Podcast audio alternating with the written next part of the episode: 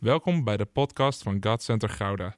Vanaf deze plek willen we jou inspireren, motiveren en activeren om op een praktische manier je dagelijks leven met God vorm te geven.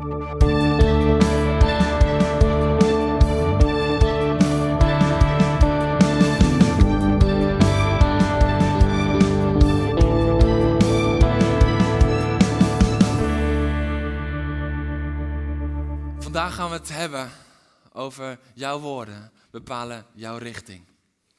En voor sommigen is dat misschien gelijk een trigger dat je denkt van oh nee, we gaan toch niet zo van oh als mens spreken en dan creëer je en daar, daar hebben we moeite mee. Nee, we erkennen in deze hele boodschap dat God de bron is van alles. Dat God degene is die de wonderen doet. Wij kunnen geen wonderen tot aan zijn roepen door maar te spreken. Weet je? Het is gewoon de hand van God die het doet. Laat dat duidelijk zijn. Maar we mogen wel ons spreken leren overeenkomstig maken met zijn woord. En dan kom je erachter dat je woorden je richting bepalen. Jouw woorden bepalen jouw richting. En daarin ook wat je binnenkrijgt bepaalt jouw richting. Want wat jij binnenkrijgt, uiteindelijk zal zich dat gaan vervormen naar wat jij eruit gooit. Wat jij iedere keer tot je laat komen, uiteindelijk zorgt dat ervoor hoe jij gaat spreken. Ze zeggen altijd, waar je mee omgaat, daar word je mee besmet. Maar waar je mee vult, dat laat je eruit komen. Dat is eigenlijk nog de diepere laag daarvan. Waarom? Omdat wat je continu tot je neemt, dat gaat je denken beïnvloeden. Dat gaat je hart vormen op het gegeven moment. En wat er in je denken en je hart zit, dat gaat er vroeg of laat uitkomen. Misschien denk je van, ja, nee, maar ik kijk dat en uh, ik, ik luister daarnaar. Maar zelf heb ik hele andere woorden. Ja, misschien nu nog wel. Maar over de tijd zal je erachter komen dat je meegaat in de woorden die je tot je laat komen. En denk dan even aan je Instagram. Wat laat je tot je komen? Je WhatsApp. Wat laat je tot je komen? Nieuwssites. Wat laat je tot je komen? Die roddelende vriend of vriendin, wat laat je tot je komen? De billboards langs de weg. Wat laat je tot je komen? Je Bijbel. Wat laat je tot je komen? Denk dan aan Facebook. Wat laat je tot je komen? Of die talkshow die je elke avond kijkt, wat laat je je komen? Die podcast die je altijd luistert, wat laat je tot je komen? Negatieve familieleden. Daar komen we zo direct nog even op terug. Wat laat je tot je komen? Die niet integere collega. Wat laat je je komen? Of je gebedstijd. Wat laat je tot je komen? Ik heb net twaalf stemmen genoemd. En ik denk dat we eigenlijk allemaal wel twaalf stemmen herkennen van de twaalf. En misschien zeg je, ik luister naar het podcast, nou dan heb je er elf van de twaalf, maar je weet wat die twaalfde is. En, en zo vaak in ons leven spelen deze twaalf stemmen spelen een rol. En dan sta je twaalf keer sta je voor een keuze. Ga ik het luisteren of niet? Ga ik het luisteren of niet? Weet je, heel vaak hebben we het idee dat we stemmen het zwijgen op moeten leggen. Maar dat kan niet altijd. Ik bedoel, ik ga hier niet oproepen om billboards zeg maar, te vernielen langs de weg als ze niet oké zijn. Ik proef teleurstelling. Misschien als de livestream is afgesloten dat we nog een oproep doen, maar... Grapje, niet eruit knippen jongens. nee, je kan er wel een heel mooi poster van Jezus gewoon overheen plakken, dan verniel je niks.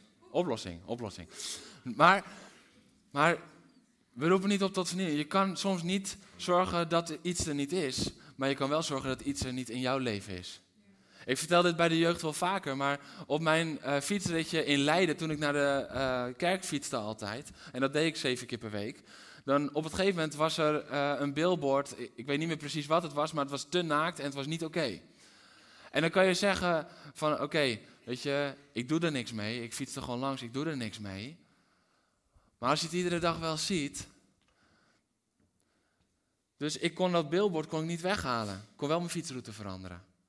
Je kan elke stem in je leven het zwijgen opleggen. Ook als die stem niet stil wordt, kan die stil worden in jouw leven.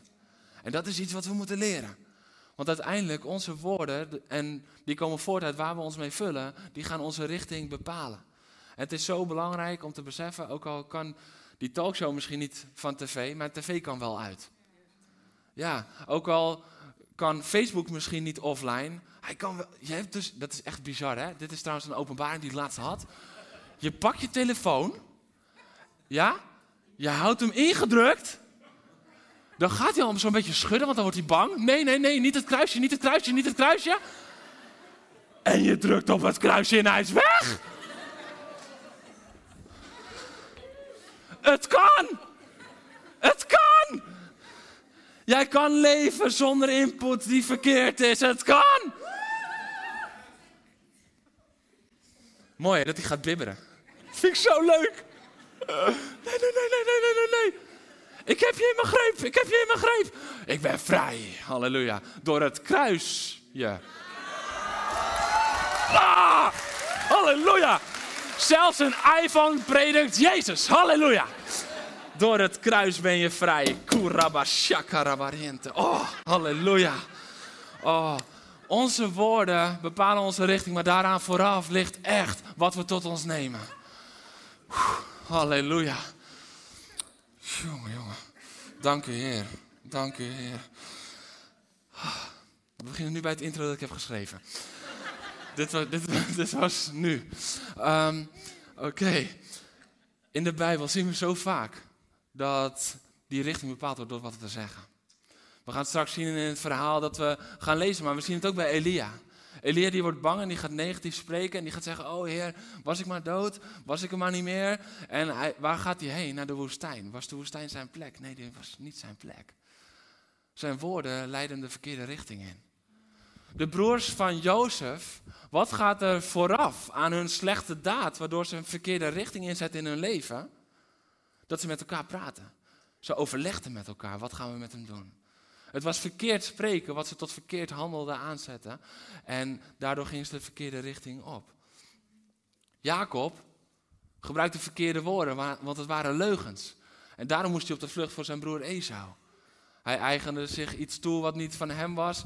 En hij deed dat aan de hand van leugens, woorden. Weer zien we woorden. En we zien dat hij de andere kant op moet rennen. Onze woorden bepalen onze richting. En het lastige daarvan is dat als we dan op een gegeven moment uit de richting zijn, dat we vaak God de schuld geven. Van Heer, waarom u? Waarom doet u niks? Heer, waarom? U had toch gesproken? Maar vaak geven we God de schuld van de gevolgen van ons eigen ongeloof en spreken. Dat is een tegeltje die je liever niet aan je muur hangt, maar die wel vol waarheid is. Want heel vaak geven we God de schuld.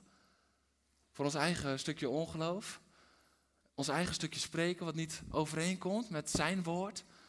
En we geven hem de schuld eigenlijk van onze woorden. En als je dan over de kracht van woorden gaat praten, dan is het heel voor de hand liggend om een paar teksten uit Spreuken of Jacobus, om die erbij te gaan pakken. Maar weet je waar ik achter ben gekomen? Dat we zo vaak, dat we die woorden, die kennen we wel. We weten, dood en leven hebben, uh, de tong heeft macht over dood en leven. Ze zijn in de macht van de tong. Die tekst kennen we wel uit spreuken. En uit Jacobus weten we ook wel dat we een volmaakt mens zijn als we onze tong helemaal kunnen bedwingen. Dus al die teksten die, die kennen we vaak wel. En toch vinden we het zo ingewikkeld om de gevolgen van onze woorden ook daadwerkelijk in ons leven te herkennen en aan die woorden te koppelen. En toen vroeg ik God, Heer, wilt u dan door een verhaal heen werken, zodat we gewoon de praktijk ervan zien? Weet je, dit is de theologische basis. Dat God gewoon zegt van, hé, hey, dood en leven in de macht van de tong. Dat is gewoon een theologisch statement van God. Gewoon uh, een woord dat hij geeft. Dit is het, zo is het en niet anders. Zo werkt God ook in zijn woord. Gewoon duidelijk een statement maken. Dit is hoe ik het heb bedacht en zo werkt het. Maar soms vinden we het lastig om dan te zien hoe dat dan werkt. En dan geeft God ons ook verhalen waardoor we dat kunnen leren kennen. En waardoor het ook makkelijker is om naar ons eigen leven toe te trekken. En dat is een grote zegen. Weet je, even duidelijk, jouw spreken bepaalt de koers van je leven. Het plan is van God, de kracht is van God, de wonderen zijn van God, de voorziening komt van God, maar de richting en de koers, die komt van ons. Dus we moeten niet de tontom de schuld geven als die ons gewoon de juiste kant op heeft gestuurd. Mannen, kijk nu niet naar je vrouw. Uh, en we denken, nee, het is zo toch sneller. Ik zag het gebeuren. Want dan is het onze eigen eigen wijsheid dat ervoor zorgt dat we af zijn geweken van de route die God ons heeft gegeven. En dan staan we voor een wegafsluiting en dan zeggen we: Heer, waarom gebeurt mij dat altijd? Maar dat is. Zie je? Je begint met een verhaal en de preek komt gelijk dichtbij. maar dat is wel hoe het gaat. Dat is wel hoe het gaat. Dus leeuwen, als papa of mama weer een keer eigenwijs is in de auto, zeg dan: Papa, het plan komt van het tomtom, volg de tomtom. Want ik heb geleerd dat het plan komt van God.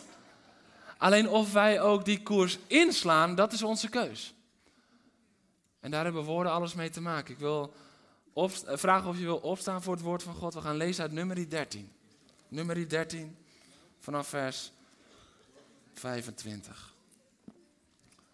En ik lees uit de HSV zoals uh, deze um, serie Promises vaker zal zijn. Want hier staan ze aan de rand van het beloofde land. Dat is ook een mooie titel voor een boodschap. Aan de rand van het beloofde land. Zo. Maar ze staan daar aan de rand en toch zijn ze verder weg dan ooit. Toch zullen ze uiteindelijk verder weg raken dan ooit, terwijl ze daar aan de rand zijn. Daarna keren ze terug van het verkennen van het land. Dit waren de twaalf verspieders. Ze keerden terug. Na verloop van 40 dagen. Dus 40 dagen hadden ze het verkend. Ze gingen op weg en kwamen bij Mozes en Aaron en bij heel de gemeenschap van de Israëlieten in de woestijn bij Paran, bij Karas. En zij brachten aan een, een heel de gemeenschap verslag uit en toonden hun de vruchten van het land. Zij vertelden het Mozes en zeiden: We zijn in het land gekomen waar u ons heen heeft gestuurd. En werkelijk, het vloeit over van melk en honing. En dit is zijn. Het volk echter, dat in het land leeft, is sterk. En de steden zijn versterkt en heel groot. En ook hebben wij daar nakomelingen van Enak gezien. In het zuiderland woont Amalek. In het bergland wonen de Hethieten, de Jezubieten en de Amorieten aan de zee. En aan de oever van de Jordaan wonen de Kainieten. Toen bracht Caleb het volk tegenover Mozes tot bedaren. Hier gaan we straks op terugkomen. Dit is een tussenzinnetje waar bijna nooit op wordt ingezoomd, maar zo belangrijk. Toen bracht Caleb het volk tegenover Mozes tot bedaren. En zei, laten wij vrijmoedig optrekken en wij zullen het land in bezit nemen. Want wij zullen zeker, ze zeker overmeesteren. Maar de mannen die met hem waren opgetrokken zeiden, we kunnen tegen het volk niet optrekken, want het is sterker dan wij. En ze lieten een kwaad gerucht uitgaan bij de Israëlieten over het land dat zij verkend hadden, door te zeggen, het land dat wij doortrokken zijn, um, om het te verkennen, is een land dat zijn inwoners verslindt. En heel het volk uh, dat wij in het midden daarvan gezien hebben, bestaat uit mannen van grote lengte. We hebben ook nog reuzen gezien, nakomelingen van Enak, afkomstig van de reuzen. En ze waren in onze, uh, wij waren in onze eigen ogen als sprinkhanen. En zo waren wij ook in hun ogen. Vers uh, hoofdstuk 14 begint dan met: Toen begon de hele gemeenschap luid te weeklagen. En bleef het volk in die hele nacht luid jammeren. Je mag gaan zitten. We gaan het straks hebben over de woorden die je spreekt. Maar jouw woorden zijn niet alleen de woorden die je spreekt, dat denken we vaak, maar ook de woorden die we binnenlaten, want die eigenen we onszelf toe. Dat zijn ook onze woorden. Weet je, je kan wel zeggen van, ja, maar ik ben verantwoordelijk voor wat mijn mond uitgaat. Nee, je bent ook verantwoordelijk voor wat je oren binnenkomt.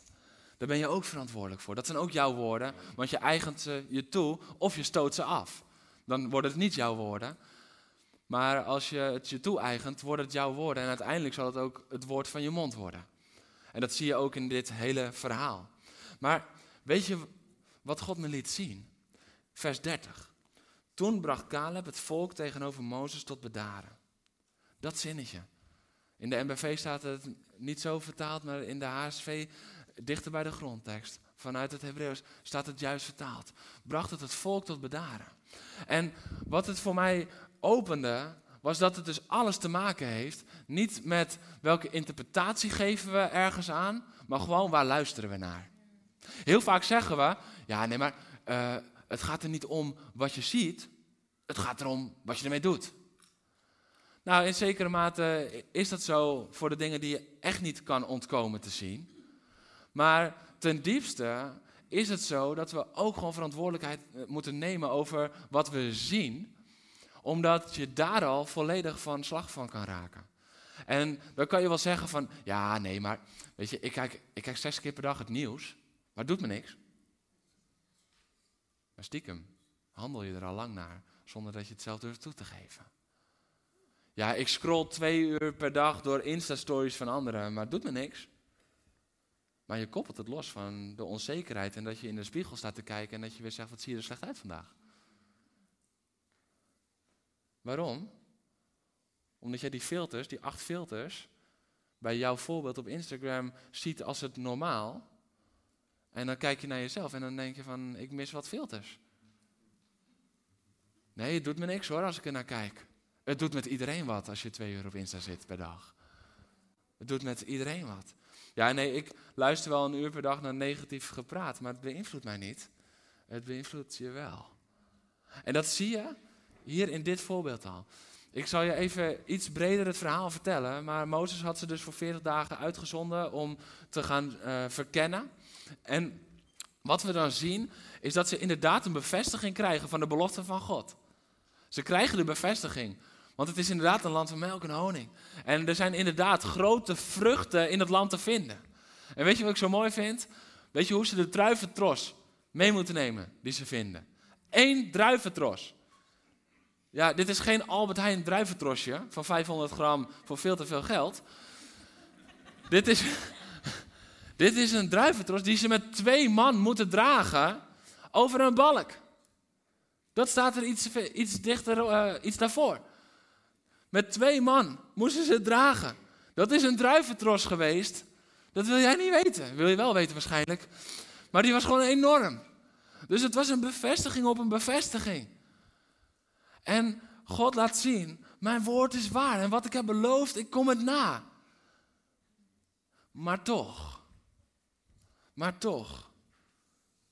Want uiteindelijk zien we dat ze zeggen, ja, inderdaad, het land vloeit over van melk en honing en dit is zijn vrucht. En dan komt dat volgende zinnetje, het dodelijke zinnetje. Het volk echter. Maar. En in één keer is alles wat daarvoor gezegd weggevaagd. Ja, God is goed, maar. Ik weet dat Hij mijn voorziener is, maar. Ik weet dat Hij altijd bij mij is, maar ik voel Hem nu niet. En het stuk dat je weet dat Hij altijd bij is, heb je ontkracht. En niet alleen in je woorden, maar diep van binnen zit dat er al. Omdat je misschien wel veel te veel hebt geluisterd naar mensen die zeggen van ja, ik voel hem al maanden niet, ik voel hem al maanden niet, ik voel hem al maanden niet. En ik zeg niet dat je de mensen uit je leven moet bannen, maar die woorden wel. Laat je het binnenkomen of niet. Tot nu toe, tot vers 30 toe, hebben ze alleen een beschrijving gegeven waarin ze de nadruk legden op het negatieve. Ja, de vrucht, maar dit en dit en dit en dit. Er is nog geen interpretatie gekomen. Er is nog niet, dus wij zijn springkanen in onze eigen ogen en in hun ogen. Dat gedeelte is nog niet geweest. En toch moet Caleb het hele volk al tot bedaren brengen. Jij raakt al van slag en moet tot bedaren gebracht worden als je het gewoon binnenlaat. Als je het gewoon over je heen laat komen. Weet je dat we daar soms veel te veel op zondag mee bezig zijn?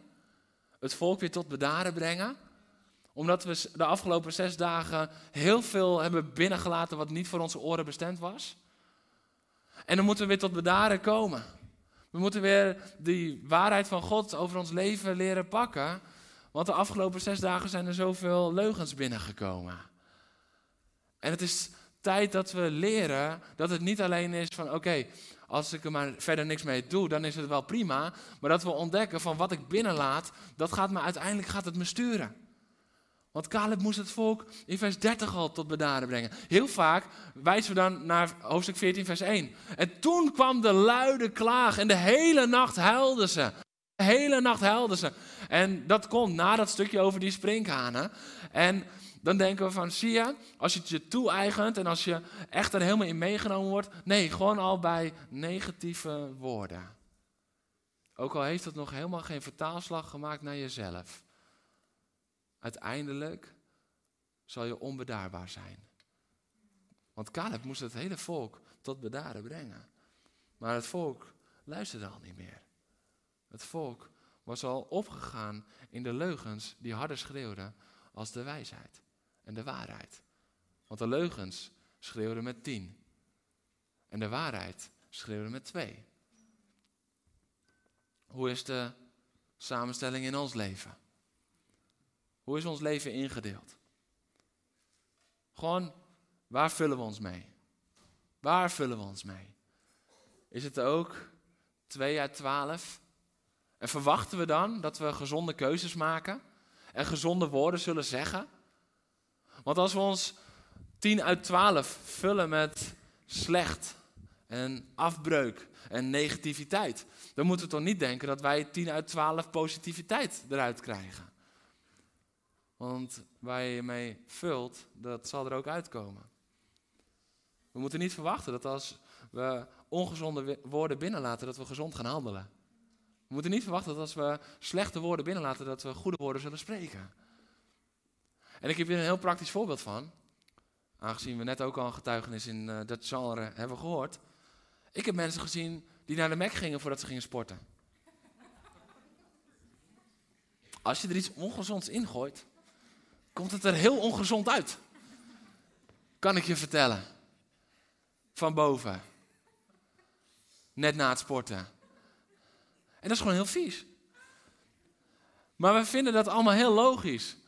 Want met z'n allen lachen we. Ja, wie gaat er ook naar de Mac voordat je gaat sporten?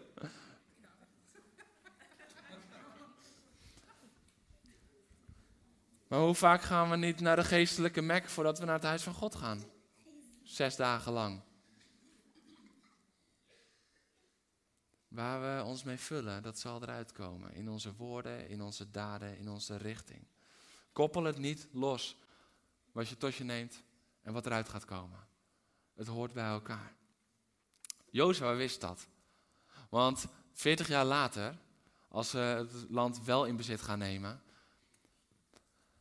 lezen we in Jozua 2 vers 1, stuurt hij twee verspieders. Dat vind ik zo mooi. De Bijbel laat zo duidelijk zien van, hey, skip die tien, stuur de twee. Skip die tien, stuur de twee. Dat is een geestelijke les voor ons. Jozua had het begrepen. Hij was een van die twee geweest. En hij dacht, ja, als ik er weer tien meezend, dan kunnen we wel weer twee helemaal vol in staan. Maar dan krijgen we weer hetzelfde geëmmer. Beter van niet. Hij wist, die tien moet ik het zwijgen opleggen. En ik geloof dat dat een profetische daad was van hem. En hij stuurt er twee. En ze zullen het land in bezit nemen. Het is tijd om onze input te gaan reguleren en te zorgen dat we leren uit het verleden. Als je te veel de tien invloed hebt gegeven in je leven. Als je te veel de tien hebt laten spreken in je leven. Weet je, en dat kan op gemeentevlak, maar dat kan ook heel persoonlijk zijn. Het kan heel persoonlijk zijn voor jou dat je, ja, um, dat kan je beter niet doen. Daar ben jij nog niet aan toe. Dat kan jij niet. Droom niet te groot. Kop niet boven het maaiveld. Dat is voor anderen. Nee, jij kan niet zo goed leren. Nee, jij bent niet zo goed daarin. Denk je dat anderen echt naar jou zullen luisteren? Noem het maar op. En we vinden het allemaal heel normaal dat dat soort woorden gesproken worden. Maar het zijn gewoon verspieders die je uit het beloofde land houden. En het is tijd om ze het zwijgen op te leggen. Zodat ook ons eigen spreken zuiverder gaat worden. Een van die dingen rondom het zwijgen opleggen. En ik vond het mooi, want ik werd vanuit de voorbeden vanochtend werd ik bevestigd. De doop. Naar wie luisteren we? Naar de tien of naar de twee? Want de tien die schreeuwen wel. Ja, nee maar. Weet je, dat mag je zelf interpreteren. Of nee, maar je hebt al beleidenis gedaan. Of nee, maar. Hé, hey, uh, je, je leeft al zo lang met God. Ah nee, maar hey, het is alleen symbolisch. Nee, het is het woord van Jezus dat zegt: bekeert u en laat u dopen. En daar was heel weinig symbolisch aan, dat was gewoon een opdracht. Als we elke opdracht van God symbolisch gaan maken, dan kunnen we wel stoppen. Hij ging ook niet symbolisch aan het kruis voor ons, jongens. We maken altijd symbolisch wat wij symbolisch willen zien. Niet wat symbolisch bedoeld is door God. als jij te lang hebt geluisterd naar de tien stemmen in je leven, zorg dat je vandaag naar de twee stemmen gaat luisteren. Die de waarheid verkondigen. En die zeggen, je mag het land in bezit nemen. Je mag door de doop heen gaan. Je mag Jezus volgen in alles. Het is jouw tijd. En dan maakt het niet uit wat je achtergrond is. Dan maakt het ten diepste niet uit wat je familie daarvan zegt of vindt. En nogmaals, neem geen afstand van je familie, maar neem afstand van de woorden. Deze specifiek. Welke woorden laat je uitgaan? Dus welke woorden laat je binnen, hebben we aan de ene kant. Maar welke woorden laat je uitgaan, is de andere kant. Want laten we die andere kant eens bekijken. Welke stemmen gaan we in mee en welke woorden komen er uit onze mond? Want achter elk woord zit een overtuiging. Zit iets wat je vindt. En daarom is het zo belangrijk om met die woorden bezig te zijn. Want de tien benoemen ook de vrucht van de belofte. Ze ontkennen niet dat God dat ook laat zien. Nee, ze ontkennen dat niet, maar ze komen er zelfs mee terug. Die hele grote tros. Maar dan komt die maar. Die maar. En hoe vaak komt die ook niet uit eigen, onze eigen mond? Vaak is het in wat we horen, maar ook in wat we spreken. Over ons eigen leven, over iemand anders. Ja, ik geloof, ik geloof daar wel in, maar is het, nu, is het nu dan echt de tijd? We hebben het vorig jaar gehad over een cultuur van bemoediging. Een cultuur van bemoediging, die gaat wel in wijsheid, maar die gebruikt geen maar. Want die maar, die maakt alles daarvoor kapot. Ja, ik zie ook wel een roeping op jouw leven, maar. Nou, geloof me, aan het einde van het gesprek heeft diegene nooit meer het gevoel dat jij echt die roeping op zijn of haar leven ziet. Maar, welke verspierder ben jij? We vinden het heerlijk om ons te identificeren met die twee.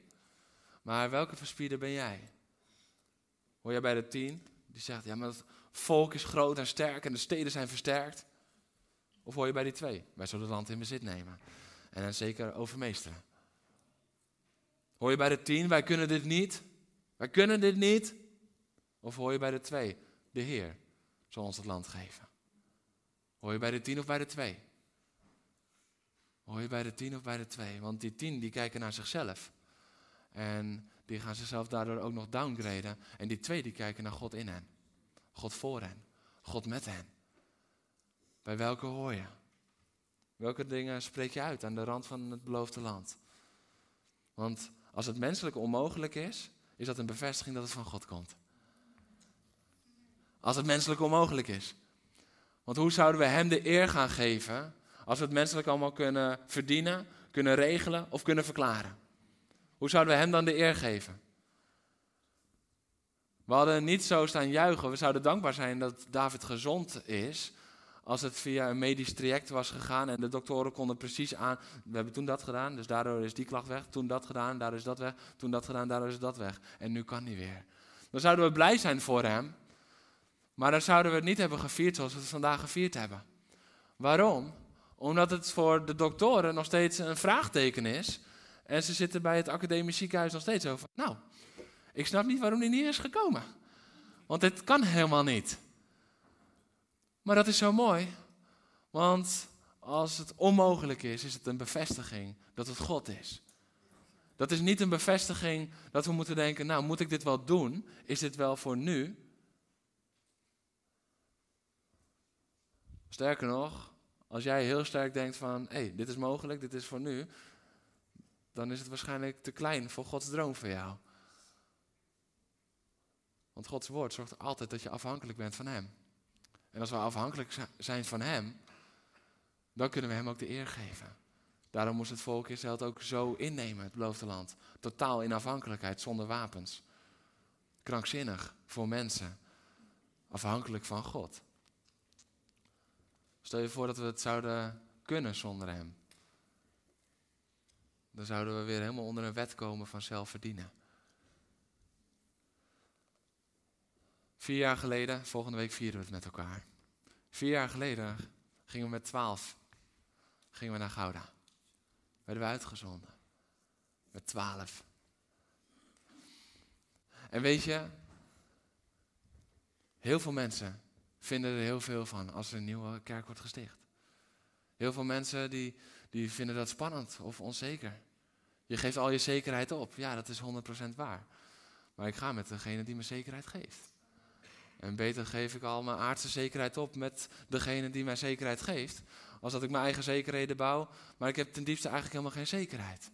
Als we ergens achter zijn gekomen de afgelopen 2,5 jaar, is dat het wel. Dat alles om je heen kan instorten zonder dat je er zelf invloed op hebt. En dat je helemaal geen zekerheden hebt. En dat je bankrekening geen zekerheid is. En dat je baan geen zekerheid is. En dat je aanzien helemaal geen zekerheid is. Het kan als zekerheid aanvoelen een tijdje, maar het is geen zekerheid. Beter gaan we met degene die onze zekerheid is. Weet je, maar op het moment dat God iets nieuws gaat doen, dan begint hij met iets onmogelijks. Dan begint hij met iets onmogelijks. En, en dan komen ook de stemmen inderdaad van, ja maar er zijn zoveel tegenstanders. Maar de bolwerken zijn zo groot. Dit zijn de dingen die wij hebben gehoord. De vijand is zo sterk. En de laatste jaren, de samenleving is zo verhard. En de maatschappij is zo sterk tegen de kerk. En ik geloof nog steeds, God heeft ons gezonden om Gouda voor Jezus te winnen. Gouda voor Jezus winnen, dat is de waarheid van zijn woord. Dat is de zending die we hebben ontvangen. Ik vind dat zo mooi, Harro zegt het altijd. We zijn hier niet geplaatst om alleen kerkje te spelen en af en toe eens bij elkaar te komen. Nee, we zijn hier gekomen om de kerk en het koninkrijk van God te bouwen. Om mensen te bereiken met het goede nieuws. We hebben het beste nieuws dat er is. Juist in deze tijd. Juist in de verharde maatschappij. Juist als iedereen steeds meer individueel gericht wordt. Beter gaan we, hoe, hoe meer we dat om ons heen zien, ons niet laten intimideren en naar die tien stemmen luisteren. Maar schreeuwen vanuit die twee stemmen van, oh, dit is een bevestiging. Dit is een bevestiging dat we op de goede plaats zijn, op de goede tijd en dat we totaal afhankelijk zijn van Hem. Dat is wat er gebeurt. Weet je, mensen schreeuwen wel. De samenleving verhardt. Ja, weet je, iedereen die dat schreeuwt, die zegt eigenlijk wat anders. Wist je dat? Dat horen we nooit. Maar ze zeggen eigenlijk, kom alsjeblieft met liefde. Ze zeggen, ja, de samenleving verhardt, maar de schreeuw van binnen is eigenlijk, kom alsjeblieft met liefde. Want we hebben het nodig. Als onze God ons zendt, als onze God een plan maakt, dan spreken we vanuit zijn belofte. Dan gaan we niet ons denken vormen naar de mening van mensen of de opvatting van mensen. Nee, dan gaan we achter zijn woord aan. Dat moesten de Israëlieten uiteindelijk ook. En uiteindelijk, 40 jaar later, zouden ze dat ook doen. Als God ons leidt, dan zal zijn koninkrijk overwinnen. Waar we ook gaan. Dan hoeven we niet bang te zijn. Nee, dan mogen we weten dat hij voor ons uitgaat en met ons is. Als God iets belooft, dan doet hij het. Als God iets belooft, dan doet hij het. En Weet je, dit is iets wat al eeuwenlang gepreekt wordt, maar wat we nog zo moeilijk vinden om te pakken, om ons helemaal toe te eigenen. En echt te vertrouwen, Heer, u heeft beloofd, dus u doet het. U heeft beloofd, dus u doet het. En ik ga erin staan. En ik laat me niet meeslepen door al die andere stemmen. Want één ding is duidelijk, niets kan God stoppen. Helemaal niets kan God stoppen. Weet je, wij denken, oh het stormt in ons leven. Oh het stormt in ons leven. We gaan niet aan de overkant komen. Ik zie het niet meer zitten. Zie je wel, zie je wel, we gaan het niet redden. En Jezus ligt gewoon te slapen en denkt van, hé, niets gaat mij stoppen. Je hoeft me niet wakker te maken. We gaan de overkant echt wel bereiken. Zijn uitnodiging is om naast hem te komen liggen slapen. In de zekerheid dat we de overkant wel gaan bereiken. Niets kan hem stoppen. Wat er ook plaatsvindt in jouw leven, niets kan hem stoppen. Misschien denk je van, ooit heb ik die roep gevoeld om het evangelie te gaan brengen in de wereld, in het buitenland. En dat heeft een beetje als een grote roeping gevoeld. Maar ja, inmiddels heb ik al zo vaak, mijn leraren hebben bevestigd dat ik helemaal niet goed kan leren. En mijn ouders hebben bevestigd dat ik helemaal niet zo goed kan spreken. En mijn tante heeft ook nog bevestigd dat ik er niet heel erg goed uitzie. En die tien stemmen hebben de afgelopen jaren zoveel vat op je gekregen, dat het die twee stemmen overschaduwt. En voor je het weet, doen we een stapje terug. Geen macht kan God bedwingen, jongens. Geen macht. Elke macht moet wijken voor zijn naam. Geen kracht kan hem tegenhouden, kan hem verslaan. Geen stad kan hem weerhouden. Geen leugen kan hem ontkrachten. Dit is God. We hebben het over de schepper van hemel en aarde. Die door zijn woord alles schiep. Door zijn woord. Gods woord houdt altijd stand. De vraag is alleen of zijn volk zijn woord in de mond gaat nemen. Niet die van tien verspieders, maar Gods belofte. Gods woord. Want de volgende stap is dat we ons gaan identificeren met de woorden die zijn uitgesproken.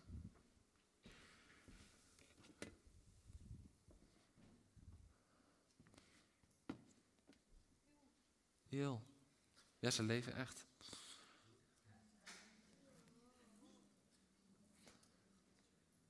En we hebben sprinkhanen.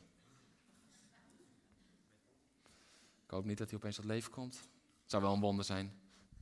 Eentje had het niet gered. De andere wel.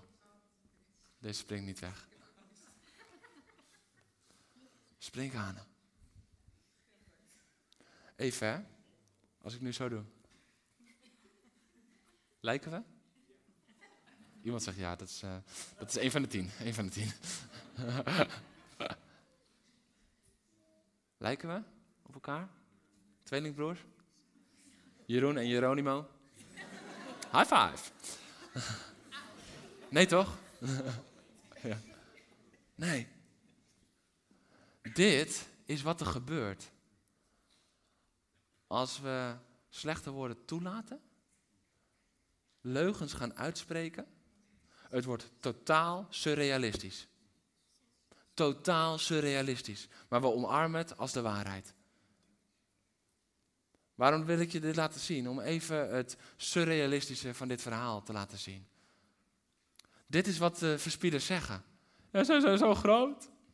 En wij zijn zo klein. En daar blijft het dan niet bij. Maar dat is het dus, hè. Als je die woorden zijn gang laat gaan, dan uiteindelijk, dan is het niet alleen dat je niet meer helder gaat zien wat er te zien is, maar dat je ook heel surrealistisch gaat interpreteren wie je zelf bent. Waarom konden die tien niet meer geloven dat God het ging doen voor ze? Omdat ze zichzelf zagen als sprinkhanen en niet meer konden geloven dat God in hen het ging doen. Als je jezelf ziet als een sprinkhaan, dan verlies je ook het geloof van wie God in jou is en wat Hij door jouw leven heen kan doen. Dat is wat er gebeurt. Hoe kunnen we onszelf zien als sprinkhanen? Als ik je nu zou vragen van, joh, met wie zou jij je identificeren van deze acht? Dan zou je zeggen van, nou, ik sla een ronde over. Want het is niet realistisch. Jeroen, wat is dit een surrealistisch uh, voorbeeld? En waarom neem je sprinkhanen mee de kerk in überhaupt? Dat zag ik een paar denken namelijk. Oh, heel. Maar ik wil even laten zien hoe surrealistisch onze gedachtegang gaat als we de verkeerde woorden toelaten en gaan uitspreken.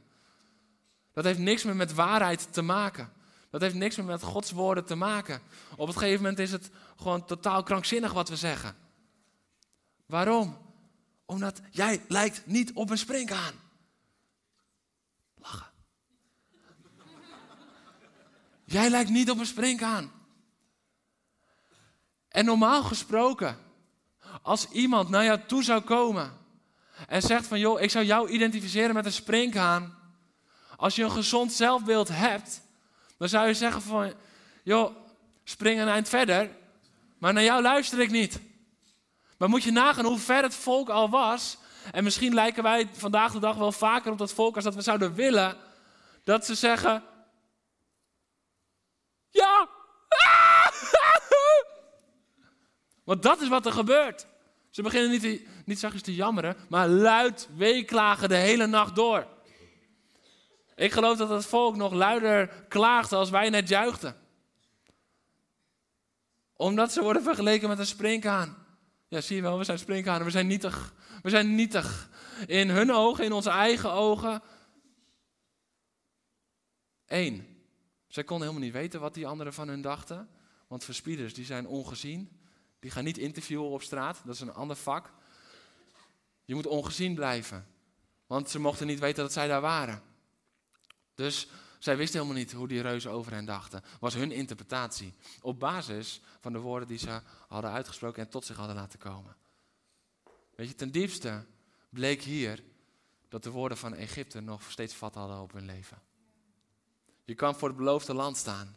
En je bent helemaal vrij. Maar de woorden van Egypte hebben nog vat op je leven. Egypte is afgesloten. Egypte is klaar. Want ze gingen door het water heen, door de doop heen, het beeld daarvan. En het was afgesloten. Je kon niet terug naar Egypte. Maar de woorden van Egypte hadden nog steeds de macht in hun denken. Waardoor ze de woorden van Egypte nog steeds uitspraken. Want één ding kan ik je wel vertellen. Die Egyptenaren hadden ze wel gezien als sprinkhaan, inderdaad. Maar het is surrealistisch. Jij bent geen sprinkhaan. Jij bent geen sprinkhaan. Jij bent niet klein. God kijkt niet nietig naar jou. Je bent zijn kind. Je bent zijn kind. Waarvoor zijn enige geboren zoon ook zijn kind aan het kruis ging. Zijn zoon. Jij bent geen springkaan. Het is totaal surrealistisch. Maar zelfs het meest bizarre kan heel gewoon worden in ons denken, in onze woorden, als we er niet op tijd mee afrekenen. Als we het wel binnen laten komen. Want ze hadden het al binnen laten komen. En Caleb probeert nog het volk tot bedaren. En dan komt de interpretatie. Dan komt de interpretatie. En de interpretatie gaat niet alleen meer kijken naar de omstandigheden, maar die vernietigt ook wat je zelf bent. Want dat is wat er gebeurt. Ik bedoel, hoe groot iemand anders is, verandert niks aan mij. Weet je, als ik even kijk. David, kom er even bij. Wie is al langer dan ik? Dit is spontaan, dus ik heb dit niet bedacht. Bas, ik denk dat jij langer bent dan ik, hè? Ja, kom er even bij.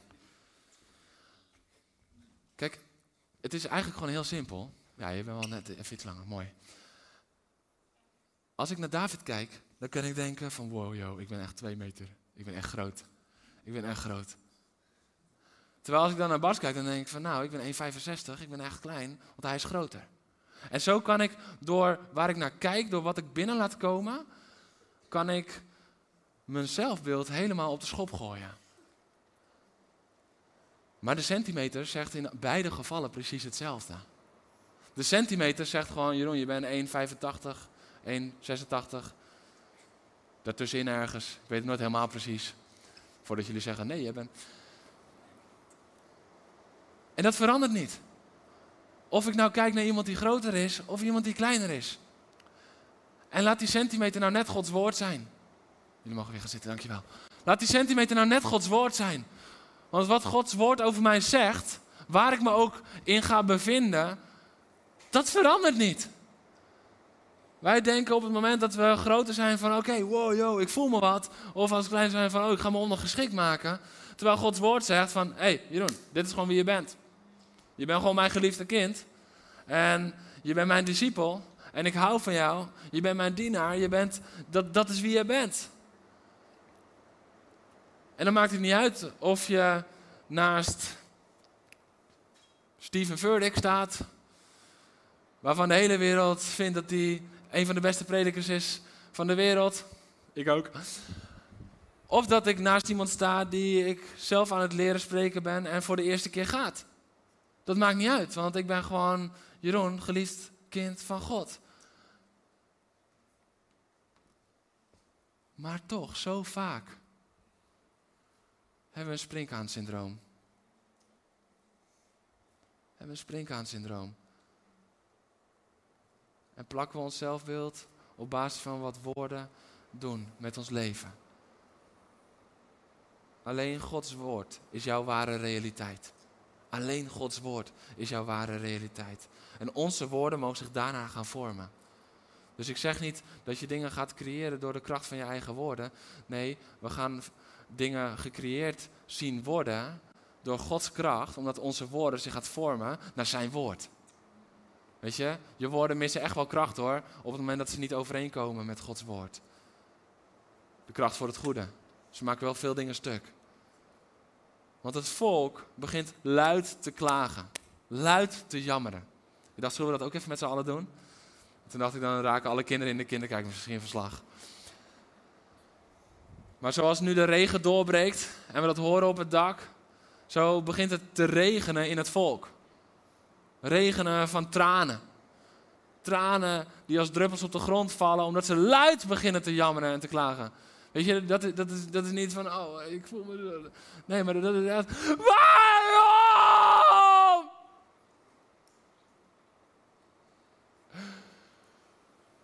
Waarom? Met een miljoen. Tegelijk. Dat die muren toen niet zijn omgevallen, dat verbaast me. Maar het waren de verkeerde woorden. Het juiste volume waarschijnlijk. Maar wat doet dat met je? Wat doet dat met je?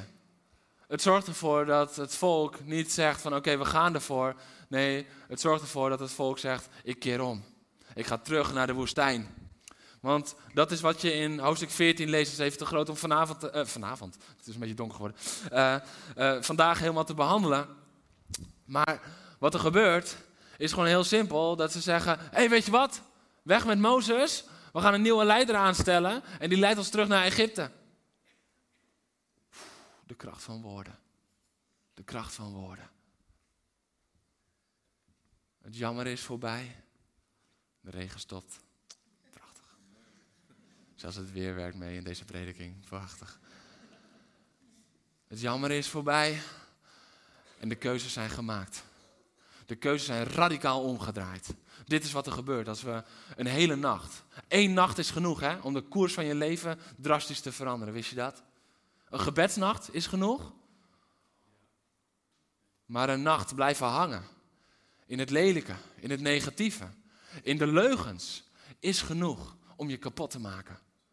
En om 40 jaar vertraging op te lopen. Dat is de kracht van woorden. Dat is de kracht van wat daar gebeurt. En ze willen een nieuwe leider aanstellen. Ze willen terug naar Egypte. En dan op een gegeven moment eh, is er nog een interventie. En dan willen ze de leider stenigen. Dus het maakt je ook nog eens echt abnormaal agressief. Dit is wat er gebeurt als we woorden toelaten in ons hart en uit onze mond. Die niet overeenkomen. Onze woorden bepalen onze richting. Niet Gods plan. Het is niet dat wij met onze woorden Gods plan vergroten. Het is de mate waarin we in zijn plan wandelen. Als we de verkeerde stemmen laten spreken, wordt de belofte een bevestiging van het negatieve. Sta je met je neus voor de belofte, je ziet de vruchten van, wow, wat een druiventros, ze moesten met twee man tillen en het wordt een bevestiging van het negatieve. Hoe kan dat? De verkeerde woorden toelaten. Het is tijd dat we echt oordoppen opdoen. Want heel het volk klaagt, jammert en huilt de hele nacht.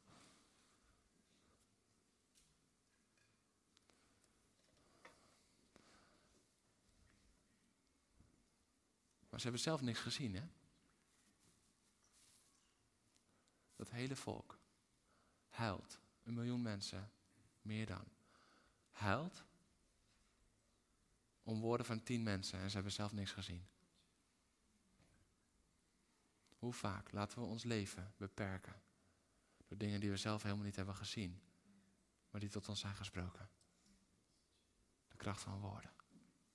En hoe vaak beperken wij een ander niet door onze woorden?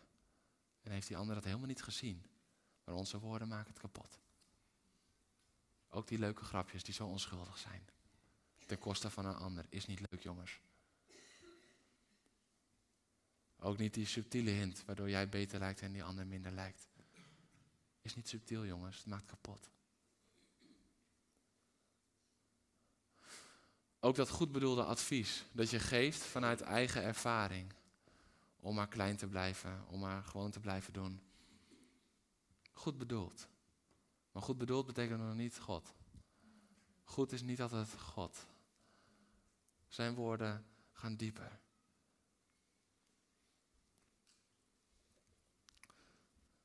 En ik was aan het bidden van Heer, hoe komt het dan dat ze zonder dat te zien dat helemaal aannemen?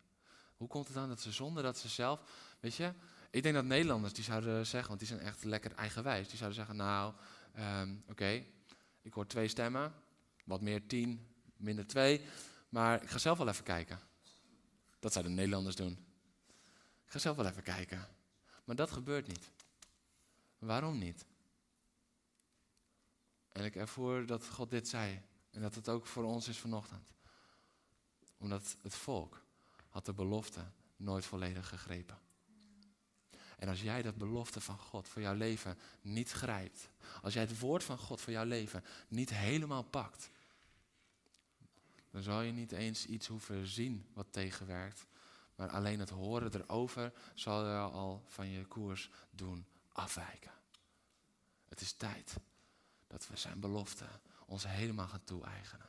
Het is tijd dat dat sprinkhanensyndroom definitief wordt opgeheven. Want je denkt misschien van ja, die sprinkhaan, ik herken dat eigenlijk wel. Ik herken wel dat ik zo naar mezelf kijk of zo over mezelf spreek. het begint al met hoe je opstaat. Wat zeg je tegen je, eh, tegen je spiegel? Weet je hoeveel mensen zeggen van, wat zie jij eruit vandaag? Er is een paar klappen in hun gezicht. Beginnen ze aan de make-up. Man, als je ochtends wakker wordt, ben je op je mooist. Ik heb het niet gezien, maar ik weet het. Want het is voordat dat plamuursel erop gaat. Ja, echt waar. Je bent op je mooist zonder masker. En soms is make-up een erg groot masker. Wat zeg je tegen jezelf? Wat zeg je over jezelf, over je eigen lichaam? Ben je het elke dag aan het leggen naast die acht filters? En vind je jezelf niet goed genoeg en schaam je jezelf daarvoor? En voel je je daardoor niet helemaal gemakkelijk? Durf je niet eens meer aan je partner te laten zien misschien? Belofte van God over jouw leven. Niet gepakt en die tien stemmen, die doen hun werk wel. Maar er is hoop. Want twee hadden de belofte van God wel echt gepakt. En die zullen uiteindelijk ook het beloofde land halen. Als enige. Als enige. Die twee die hebben die belofte gepakt. En daardoor zien ze wat er werkelijk is. Weet je, je ziet alleen de werkelijkheid als je Gods belofte voor je leven hebt gepakt. Je ziet alleen dan de werkelijkheid. En als je dat helemaal hebt toegeëigend en je zelfbeeld ernaar hebt gevormd en helemaal vanuit zijn woord leeft, dan zie je de werkelijkheid. Want weet je wat het mooie is? Zij ontkennen niet dat de mensen groot zijn daar, maar zij herkennen God in hen. Zij ontkennen niet dat er inderdaad sterke steden zijn en grote reuzen, maar zij erkennen de realiteit van Gods woord. Van ja, dat zal wel zijn, maar uh, hm, hoe groter ze zijn, hoe makkelijker te raken. Ja, dat dacht David toen hij naar Goliath liep. Ja, iedereen was geïntimideerd. Hij dacht, die is niet te raken, uh, niet te missen. Dat is toch fantastisch? Dat was Gods realiteit. Wij zijn niet geroepen voor de woestijn. We zijn geroepen voor het beloofde land. Promises. En aan God ligt het niet. Maar hoe gaan we om met de woorden die we binnenlaten? Hoe gaan we om met de woorden die we spreken? Wat is de koers van ons leven? Want Gods belofte houdt stand. Gods belofte houdt stand. Zelfs door de generaties heen, dat hebben we vorige keer gezien. Gods belofte houdt stand. Gods belofte is nog steeds die eindbestemming. En hij heeft de weg ernaartoe ook uitgestippeld. Maar of we die weg inslaan, dat is aan ons. Gods woorden en stem zijn de routebeschrijving. Maar onze woorden en onze stem is uiteindelijk het stuur.